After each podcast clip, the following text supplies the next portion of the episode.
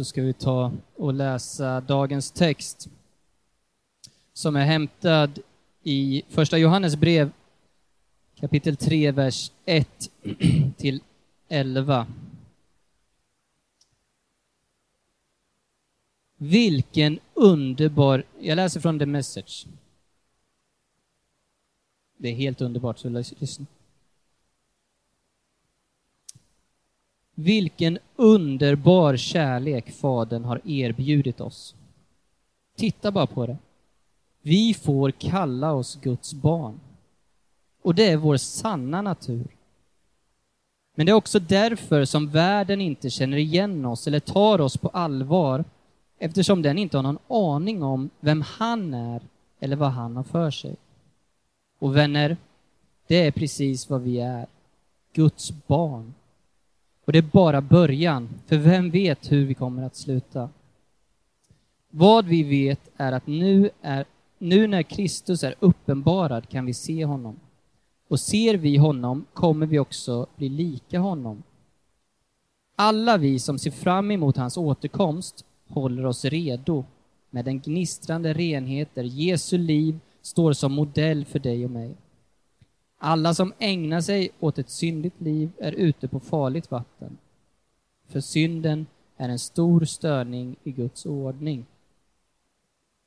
Visst kan vi enas kring att Kristus kom för att synden skulle mista sin makt. Det finns ingen synd i honom. Synden är helt enkelt inte en del av hans värld. Ingen som lever ett djupt liv i Kristus gör en praxis av synd. Ingen som gör synden till en vana har tagit en ordentlig titt på Kristus. De har fått honom helt om bakfoten.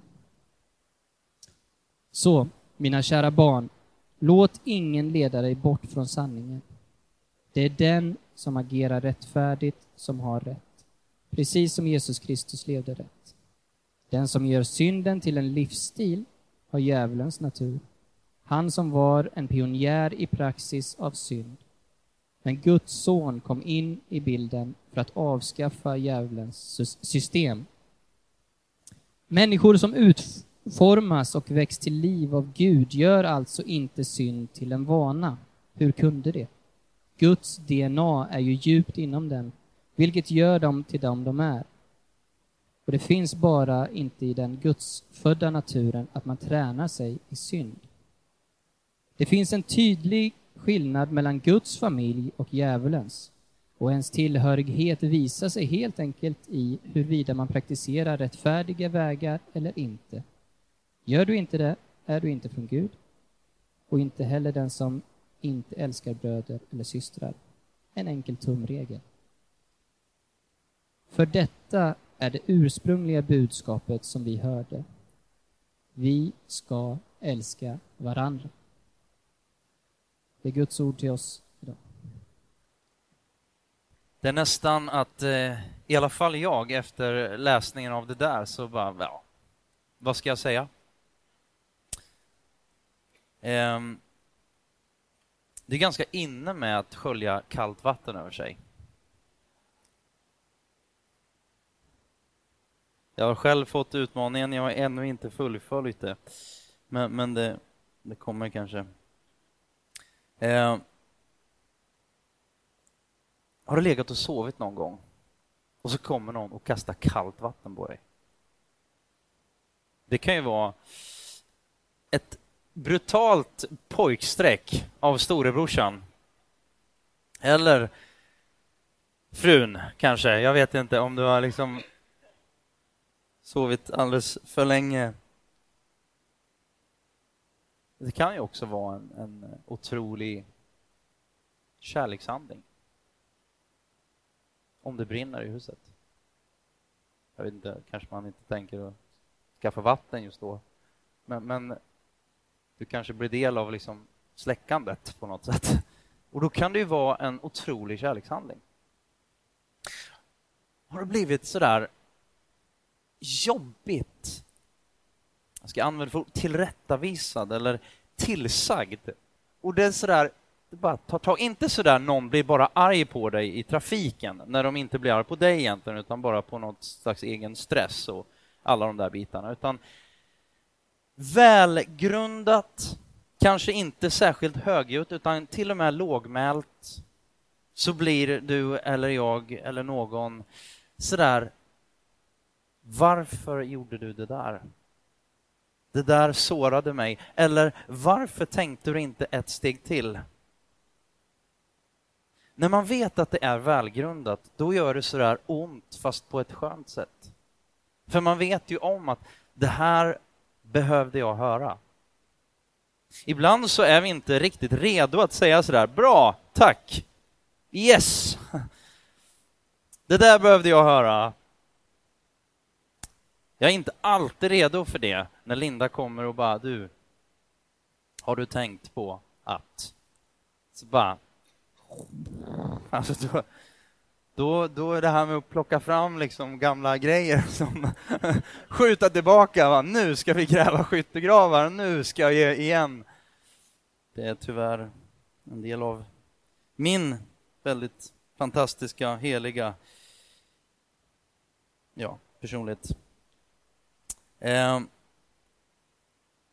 jag har nog berättat om det vid något tillfälle tidigare, men, men det var ett tillfälle jag var 18 år, hade betett mig som en rövare på en fest, kom hem, det luktade apa om mig och hela rummet och på morgonen där så kom mina föräldrar, eller min pappa ner då, um, och bara säger det att för det första så brukade de, de hade alltså vana att gå till, till eh, gudstjänsten på söndagsmorgnar, så han frågade vill du följa med till gudstjänsten? Eh, jag var i ett tillstånd där jag inte kände för att komma med. Ehm, och sa bara att nej, det ska jag inte göra. Och då sa han, okej, ehm, okay. din mor och jag, och när han säger så, då vet man, då är det så här, då, då är det inte bara så här, okej, okay, nu ska vi ta en fika tillsammans, utan bara, din mor och jag vill prata med dig i eftermiddag när vi kommer hem. Så då låg jag med en liksom jobbig klump i magen och i halsen ungefär hela tiden så där, tills de kom hem. Kunde inte sova även om jag behövde det, kände jag. sådär. De kommer tillbaka ehm, och ber mig komma upp sådär. För jag hade inte riktigt betett mig på ett sånt sätt där man kanske ser till sitt bästa och andras bästa och liksom så här, man agerar, vad säger man, responsibly. Ja, tack. Det kan behövas hjälp ibland. Så, så min far ropar, de kommer hem, ropar ner. Daniel, du kan komma upp nu. Din mor och jag vill samtala med dig. Och så då går jag upp och sätt, vi sätter oss, eller vi, ja, då sätter vi oss i det vi kallade för stora rummet, så här finrummet. Satte oss inte vid matbordet, utan vid finrummet. Eh, och liksom så här, okej, okay, upplagt för smash. Och jag tänkte så här, nu, nu ska I'm just gonna take it like a man. Jag ska bara sitta här och okej, okay, jag ska bara ta det. Så, så sitter vi där, Eh, lyssnar väl förmodligen på klassisk musik eftersom min far eh, är en fullständig nörd vad gäller liksom klassisk musik och opera. Den första, eh, alltså kan du tänka dig en 14-årig kille, stentavla, eller stenkaka heter det, inte tavla. Det var Mose, det var lite tidigare. Stenkaka. Första han köper som, som, som 14-åring är liksom Mozart. Men i alla fall, det var kuriosa. Eh, tillbaka till det här nu då. Vi sitter och lyssnar på det här och, och min mor och min far sitter där. Och så säger de ingenting och de säger ingenting och så säger de ingenting och så går det känns jättelång tid. Och så helt plötsligt öppnar min far munnen. Han, det brukar vara ofta min mor, men just då var det liksom... Han är norrlänning, så han säger inte så mycket. Så när han väl säger något så är det väldigt så här, oj, Nej, så är det men, inte riktigt så. Men så säger han igen då de här orden. Han säger inte mor, utan så säger han mamma. Mamma och jag vill bara säga ett sånt stort tack till dig. Att vi alltid kan lita på dig. Vi, kan, vi känner att vi alltid kan lita på dig. Och vi vill att du ska veta att vi älskar dig väldigt mycket. Och jag, jag, jag, jag ville ju, eller jag vet inte, alltså det var ju en väldigt märklig känsla. Det gjorde sjukt ont på något sätt. För jag visste ju att jag hade inte riktigt varit den där personen som de tänkte sig att de kunde lita på. Nu visste ju jag dessutom att de förstod. Jag förstod ju att de liksom inte tappade bakom en vagn, utan hade, ja, det luktade ju om inte annat. Så då kunde man ju... Sen dröjde det ett par år faktiskt, kanske tio år tror jag. Så sitter jag och pappa i en bil tillsammans i London och då frågar jag honom just den frågan. Du pappa, den där gången då vi satt i soffan efter det här liksom det, och, och du och mamma sa de här orden. Hur kunde du säga det? Och menar du verkligen allvar? Och pappa sa bara att jag menade verkligen det jag sa. Och jag frågade mig, hur? Och då sa han det här fullständigt obegripliga då, på ett sätt. Så säger han så här, svarar inte på frågan på ett sätt, men hur kunde du göra det? Hur kunde, hur, kan du, hur kunde du säga att du litar på mig när du vet, du visste vad jag menar, vi vet att vi kan egentligen inte lita på oss själva ens. Och då säger han så här, därför att varje kväll så ber din mor och jag, vi ber till Gud och så överlämnar vi våra barn i Guds händer. Därför kan jag lita på dig. Familj. Det råkar vara mina föräldrar just där och det har satt liksom spår i mig hur man kanske inte kommer med ris och piska. Och det också beskriver någonstans, vi har alla olika, jag har mindre positiva stories jag kan dra också om mina föräldrar och definitivt om mig själv och mitt beteende. Det hände inte bara en gång att man betedde sig som ett svin.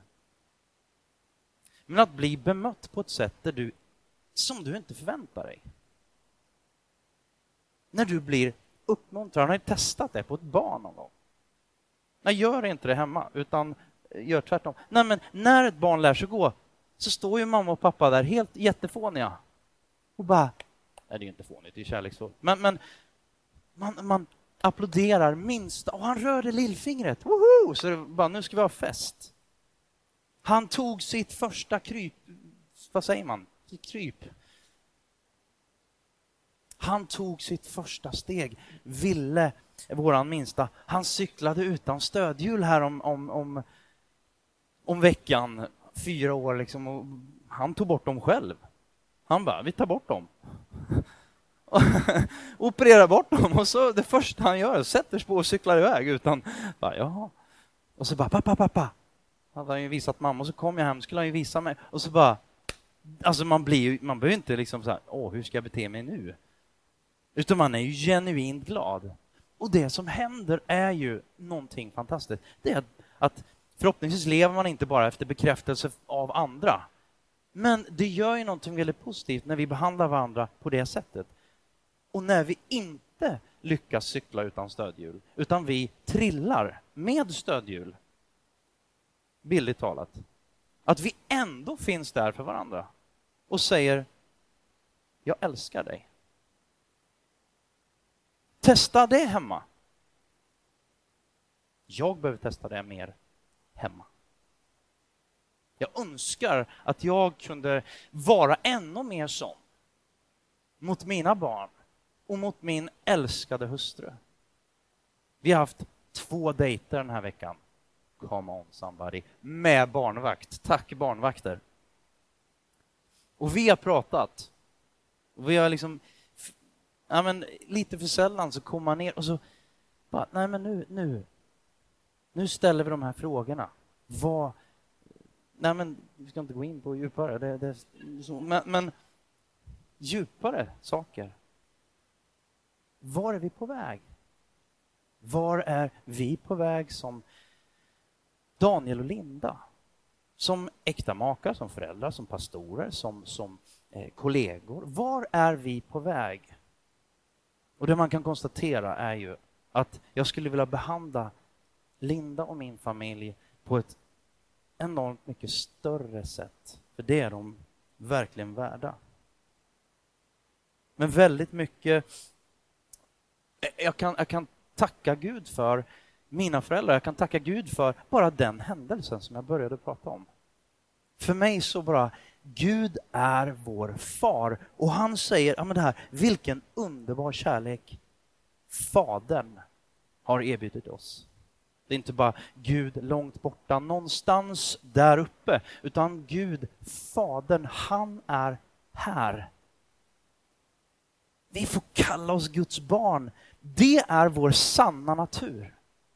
Om så ville inte cyklar utan stödhjul, utan med 78 stödhjul. Spelar ingen roll, han är min son. Du är Guds barn, vare sig du cyklar med stödhjul eller inte. Vare sig du dyker på näsan stup i kvarten. Om du, om du i tro på Jesus Kristus bejakar, du närmar dig Gud på det sättet. Man kan tala om det på, på många olika sätt och Gud, det är väldigt tydligt, Gud är initiativtagaren. Vi har inte gjort någonting, men någonstans så i tro så är vi och vi får kalla oss Guds barn. Det är de vi är. Guds familj. Ehm, jag vill prata om, om tre saker, vi får se hur långt vi kommer. Men, men Guds barn, vad innebär det att vara Guds barn? Och, och det vi kommer till lite grann, det Johannes gör, han, han kallas kärlekens apostel. Och de här eh, verserna, stundtals, så är det knivskarpt. Och våra svenska i, så här, i valtider, och man måste vara extremt PK, då får vi lite hicka när vi läser det här. Och det är så skönt att han inte lever, eh, ja han lever inte idag, just det kanske inte, ja, men han har skrivit det här, han skriver inte det i en svensk kontext inför valet 2014, utan han skriver det här som en gammal man som verkligen vill bara, nu måste jag, jag måste få säga det här till Guds folk. Du vet den här kallduschen som man är beredd att göra för att alternativet är katastrof. Då är det okej okay med en kalldusch. Kärlekens apostel. Vi kan inte gå miste om huvudbudskapet.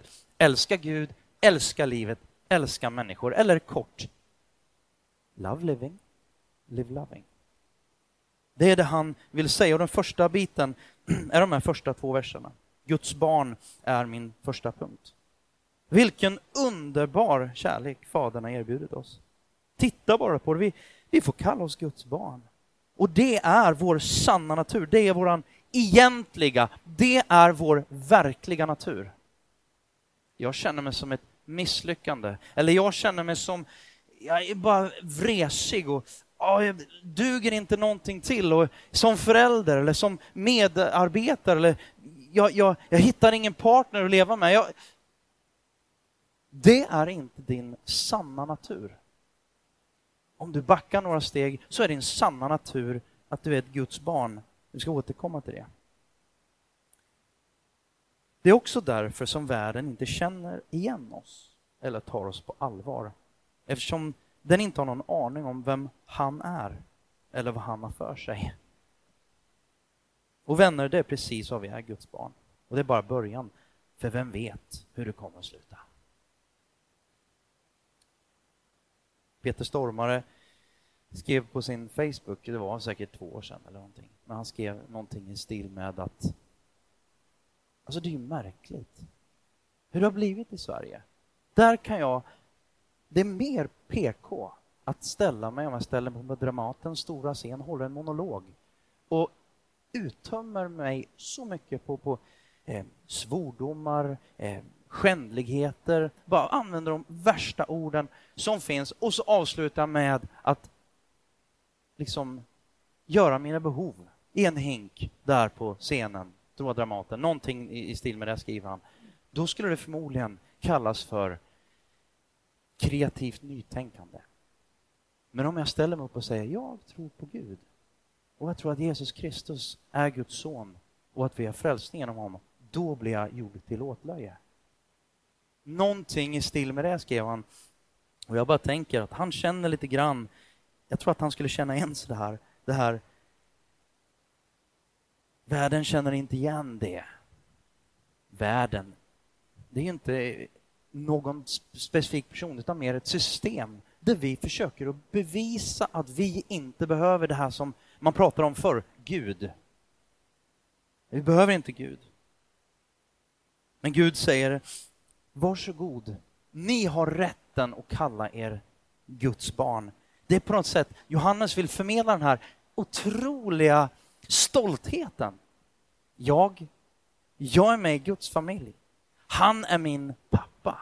Det är min far. Du och jag är, vare sig vi vill eller inte, biologiska barn till våra biologiska föräldrar. Det är inte så mycket man kan göra åt det. Vi har inte gjort någonting för att få bli biologiska barn till våra biologiska föräldrar. Vi har inte gjort någonting, vi har inte förtjänat det, Ehm, utan det är snarare våra föräldrar som har gjort någonting. Och förhoppningsvis så var ursprunget kärlek. Kanske någon har blivit adopterad in i sin familj. På ett sätt skulle jag vilja säga så här, du förstår nog kanske ännu mer än vad jag gör. Vad det innebär att vara Guds barn. För vi har blivit inadopterade, säger Bibeln. Inadopterade i Guds bild, eh, i Guds familj. Och han erbjuder hela världen att i och genom Jesus Kristus så får vi kalla oss Guds barn. Vi får vara del av hans familj. A.W. Tozer, eh, en teolog, eh, nämner kort om, om, om Gud och hans kärlek till sina barn. An infinite God can give all of himself to each of his children. He does not distribute himself that each may have a part, but to each one he gives all of himself as fully as if there were no others.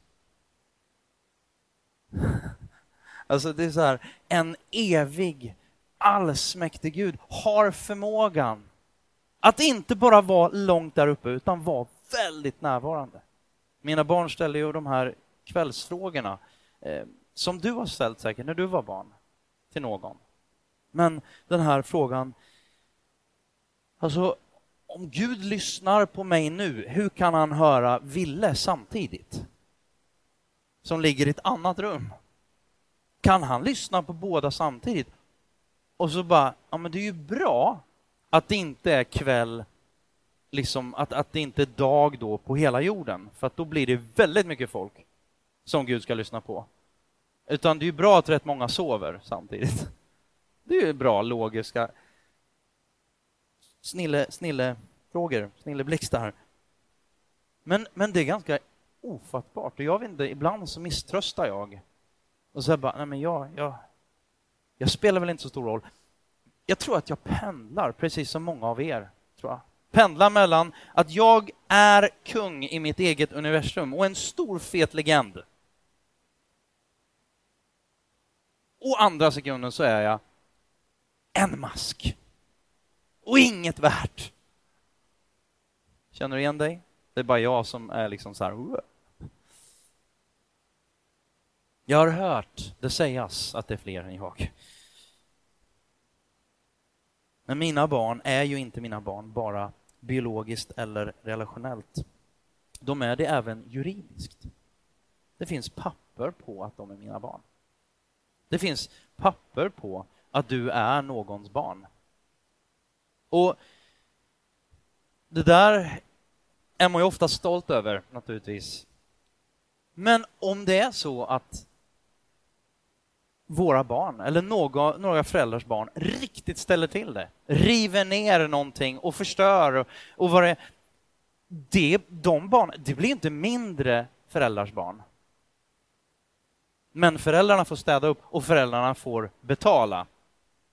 Därför att rent juridiskt så har jag ansvar för mina barn. Det Johannes vill lyfta fram, det Paulus vill lyfta fram i den här, det här brevet som jag har gått igenom och gjorde förra året, i Fesebrevet, väldigt mycket. Den här kommentar eller ett uttryck som Paulus har för sig, som han säger väldigt mycket, i Kristus. Det handlar om att vi han bara önskar, både Paulus och Johannes, önskar att vi ska vara trygga i Gud. Att vi inte behöver prestera för att Yes, I got it! Nu har jag gått i kyrkan mycket och liksom nu har jag, ja men alla de här, bara säga sån grej, har man bara, men hallå, vi går inte i kyrkan, vi är ju i kyrkan. Vi har nu har jag varit duktig och nu har jag varit snäll och nu har jag gett pengar till, till SOS Barnbyar och nu har jag gjort det här och gör gärna det, gör allt det där, men inte utifrån att bli bekräftad av Gud eller få plats och vara ett Guds barn. Precis som det på det sättet funkar väldigt mycket bättre att bekräfta någon än att slå ner någon. Så säger Jesus i evangelierna, en kvinna, hon har blivit tagen på bar gärning, varit otrogen. Enligt lagen på den tiden skulle man stena en person, en kvinna, eh, som blir tagen på bar gärning. Vi vet inte vart mannen är. Men hon blir dragen framför Jesus. En del av er kanske känner igen den storyn. Det som händer är att Jesus säger bara, för de vill ju sätta dit honom och säger till, till, till inför Jesus då, inför alla människorna där, ha, vad ska du göra med henne? För var han om man sa stena henne, skulle, då, då, då, var det inte rätt ifrån ett romarperspektiv, den romerska lagen, och skulle han säga nej, gör ingenting, det, det, det, ni kan inte stena, så var det fel utifrån judiskt lagiskt perspektiv och Mose lag. Och då säger han bara de här ganska berömda orden då. Den av er som är utan synd kastar första stenen. Och så går alla därifrån för ingen utan synd och så sätter Jesus ner, eller det gjorde han innan, men han sitter förmodligen på huk då, och så säger han, inte heller jag dömer dig. Men gå och synda inte mer. En uppmuntran, en, alltså det är ju inte det att, amen, vad ska jag säga, elände, synd, eh, där vi i Guds ögon vänder oss bort ifrån honom. Det är ju inte det att amen, vi struntar i hela, det är, bara, det är lugnt, gör vad som helst. Det är ju inte den relationen som Gud vill ha med oss. Utan han vill, för synd är ju Guds frånvändhet. Så Gud vill att vi ska vända oss mot honom. Och leva i relation med honom som vår far. Och vi är hans barn. Man kan prata om, just för Johannes lite tidigare i kapitel 2 pratar om det här med barn, ungdomar, föräldrar. Ni barn. Och vi är alla barn. Jesus säger alla måste ta emot Guds rike som barn. Vi har alla, alltså det är grundläggande, det är, det är första steget i relationen till Gud. Det är att bekänna honom som, som far, som, som ja, som herre, vi kan gå in på det, men, men just i det här perspektivet då, som barn. Sen har du som ungdomar, ni unga. Och jag ska inte gå in mer på det utan att säga att vi har ungdomar som varit föräldrar, föredömen och så vidare. Men vi brukar säga så här, vi, vi tror att det är viktigt att vi inte går in i press, pressa in folk i olika beteenden.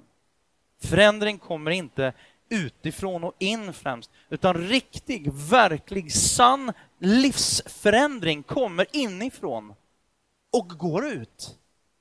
Kanske börja med en tanke, men det får inte förbli en tanke, utan det måste komma ner i hjärtat och sen förhoppningsvis kommer det ut i händerna och ditt liv börjar helt plötsligt te sig och saker och ting som var lite jobbigt innan, helt plötsligt så bara, nej men jag märker att jag vill gå in till grannen och hjälpa till. Jag, jag, jag, vill, jag, jag, jag vill inte längre bara, jag måste, bara, eh, jag måste klämma några eh, avsnitt till på den här serien för mig själv, jag, mig och mitt. Det är inte fel. Men helt plötsligt så bara, men innan ville jag det hela tiden. Nu vill jag det, fast nu vill jag också det här. Och så ser man att helt plötsligt börjar hända saker som man bara, jag blir glad av det här. Det är rätt spännande. Mina barn vi är på en resa där vi inte tänker och fokuserar främst på beteende utan på riktning. Det är en viktig bit. Som Guds barn får du en ny familj. Jag vill bara nämna det här kort, Hebreerbrevet 11 och 3. En ny familj, men inte bara det, utan du får faktiskt ett nytt medborgarskap. Du blir... Ja, du får ett nytt pass. Du tillhör inte längre, du är inte längre svensk eller bolivian eller du är inte längre vad du nu är för någonting. Amerikan eller indier eller någonting. Utan du är av ett annat land, en annan nation. De trons män och kvinnor i brevet 11.3, de tros, trons män och kvinnor som jag nu har nämnt, dog utan att få uppleva allt det som Gud hade lovat dem. Men de såg att allt sammans låg och väntade på dem och de var glada för att de visste att den här jorden inte var deras verkliga hem, utan de var främlingar som var på besök här nere. Bibeln säger att han har ett annat hem för oss. Det innebär att vi faktiskt är just främlingar här. Det där kan man ju fundera lite grann på. Jag tror ju att Bibeln också säger att vi ska leva här och nu. Jesus kom, eller ordet Gud kom, ordet kom, blev kött och blod, människa och flyttade in i kvarteret där vi bor. Första Johannes, eller Johannes evangelium kapitel 1, vers 14. En vers som vi försöker komma tillbaka till. Så Gud är ju i allra högsta grad närvarande här. Inte bara pie in the sky, later, nästa, liksom. Kom, kom, kom igen när ni kommer till himlen, då kan vi börja snacka. Det är inte Gud. Men därför så är det ju väldigt konstigt om vi lägger ner all vår själ, tid, kraft, energi på det som bara hör den här världen till och inte tänker på det som kommer sen. Det som har lite mer evigt perspektiv. Vi blir jättefästa, kära, bekväma i det här livet och bara fullständigt hyllar och tillber det här livet. Då riskerar vi att tillbe alltså gåvan istället för givaren. Vi ska älska livet, men inte bara, bara livet, utan vi älskar Gud och andra människor. Lek inte med döden, Eh, nästa punkt. Lek inte med elden, lek inte med döden. Bibeln säger syndens lön är döden. Vad, vad, vad, vad, vad är det för någonting? Jo, eh, om du vill ha ett mer uttömmande svar på det, så lyssna på undervisningen för två veckor sedan eh, genom podcasts. Eh, Först Johannes 3.4. Alla som ägnar sig åt ett syndigt liv är ute på farligt vatten, laglösa. Det är då man behöver den här hinken med kallt vatten. Inte för att Gud vill skrämmas eller bara vara allmänt jobbig. Som jag sa då för två veckor sedan, så är det inte så att det är ingen som sitter i, i, i bilen eller innanför fönsterrutan eh, hemma vid köket och blir sur på solen för att den lyser upp en, en smutsig fönsterruta. Det är ju ett ologiskt beteende. Lika ologiskt är det att bli sur på Gud för att han förmedlar sådana här saker. Istället så bara, okej, okay, det finns ogräs i min rabatt. Jag måste dela med det. För att blommorna ska få växa fina. Ingen som lever ett djupt liv i Kristus gör en praxis, en vana av synd. Ingen som gör synden till vana har tagit en ordentlig titt på Kristus. Alltså, vad är det vi behöver göra? Vi behöver inte kämpa mot synd, det var det jag pratade om också.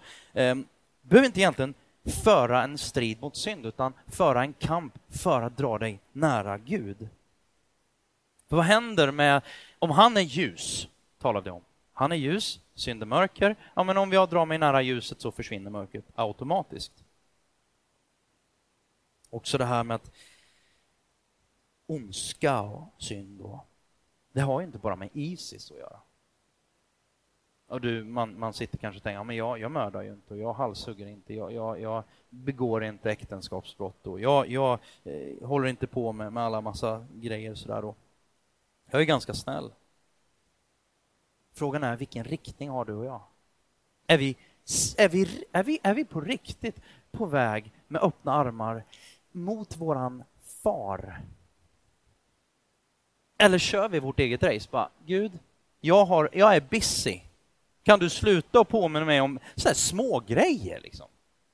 Sluta. Jag är busy. Du ska vara glad att jag går i kyrkan. Den relationen vill inte Gud ha med oss.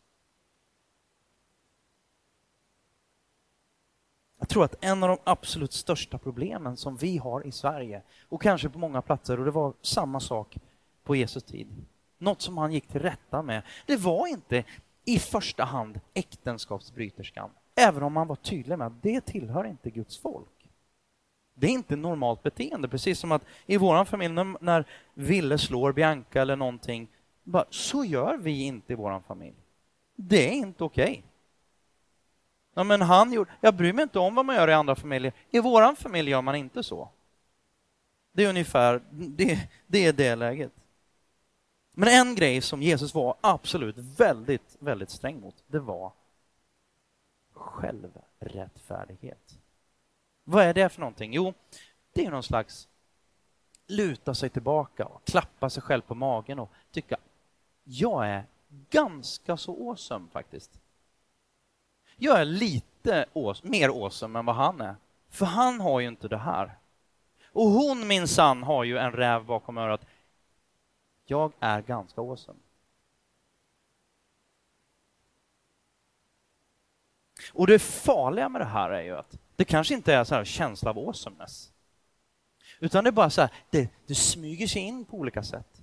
Den mest timida och, och liksom personen som, som man kan tänka sig kan vara full av självrättfärdighet. Kan se så ödmjukt ut. Men man går omkring och tänker, ja, jag gör ju inte en fluga för när, så att eh, ja, jag är en ganska fin person. Det finns ju en massa hemska mördare och sådär där ute. Men jag är ju en ganska fin person. Och det, det lömska med det här, det är att ingen går omkring och tänker så här, jag är verkligen självrättfärdig. De flesta i alla fall. Någon kanske bara.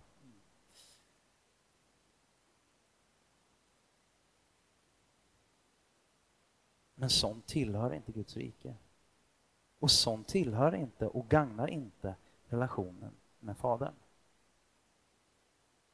För det handlar om mig och jag och mitt. Och den relationen bygger på kärlek, inte på egoism. Jag vill avsluta med det här. Den naturliga responsen på Guds kärlek. Alla vi, vers 4, alla vi som ser fram emot hans återkomst håller oss redo. Du måste inte göra det. Men om du väntar på honom, då är det ju smart, logiskt, att du håller dig redo. Då står det så här, med en gnistrande renhet, där Jesu liv står som modell för dig och mig.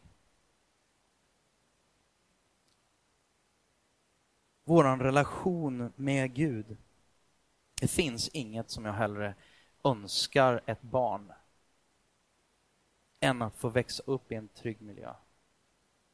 Vi vet att det är... Och jag, jag, äh, det, det, är liksom, det, är svårt, det är svårt att tänka, tänka sig, men man, man, man ser fruktansvärda bilder just nu. Från Irak, från Syrien, från eh, olika delar i Afrika där, där föräldrar dör och, och barn blir hals... Alltså det, det, det går bara inte att förstå. Inte om man kommer från Sverige, tror jag. Det är väldigt svårt att förstå. Men tänk om en, en människa får växa upp i en miljö, en familj, där det finns villkorslös kärlek. Det är ju inte detsamma som att det spelar ingen roll vad du gör, det får inga konsekvenser. Det är ju inte, det är ju inte verklighet, det är ju inte kärlek i min värld. Springa ut i vägen, bli påkörd, det är helt okej. Okay. Alltså det är ju inte på, det är ju märkligt beteende. Brottsstatistiken talar sitt tydliga språk. Stort sett alla män som sitter inne på längre fängelsestraff, kvinnor också för den delen säkert, men just det här var, som jag läste var, var brottsstatistik kring män som sitter inne på längre fängelsestraff då, har en dålig eller icke-existerande relation med sin pappa. Punkt. Statistik. Tydlig. Men istället då om barn får växa upp med tydlig kärlek. Med, jag pratade med en psykolog om det här, eh, ungdomspsykolog, otroligt duktig, eh, som, som reser runt en del i Sverige och, och undervisar om just det här att vi måste ställa krav på våra barn. Rätt krav. Inte för höga krav. Inte fel krav. Men rätt krav. Det var de orden han använde.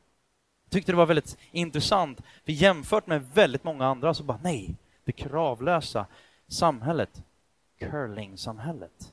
Eller lite nyare då, helikopter, parallellen, som svävar ovanför och fixar och donar och grejar och städar även när de flyttar hemifrån. Helt fruktansvärt.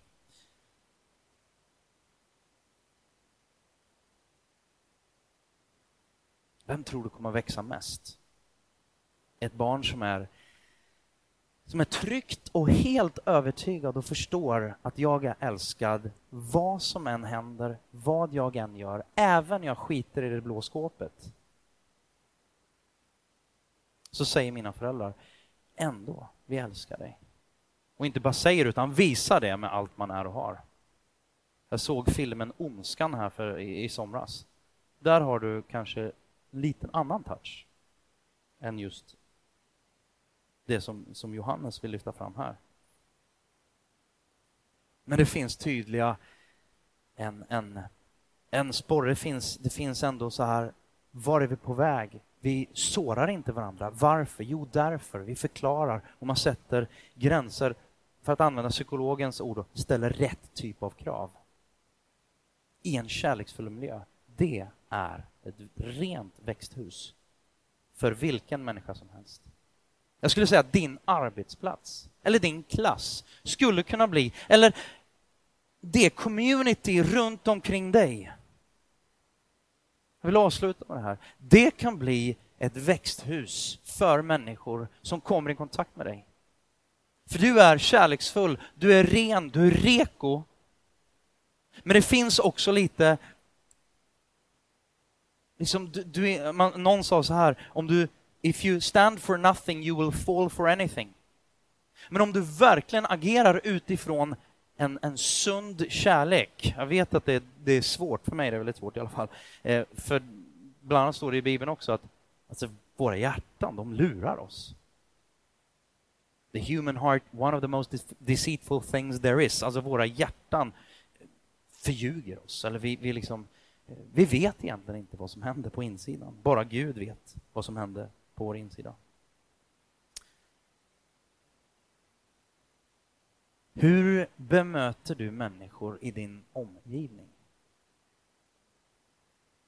Det, den familj som Gud bjuder in dig till bjuder han också in andra till. Och det är det här som blir så amazing. Att det här är inte en stängd familj för mig, jag och mitt. Det är inte en familj där likt ett barn blir lite så här ny, ny jag vet ju inte, men, men, men de flesta, har man en, en storebror, kanske Ian, jag vet att han tittar kanske lite grann på Vera, bara, hon är, ska hon stanna här? Nu, nu tar ju hon min, min tid och min plats hos mamma och pappa och helt plötsligt så är ju Vera mycket, liksom behöver ju mycket mer tillsyn. Vad händer då? Jo, då blir jag avundsjuk.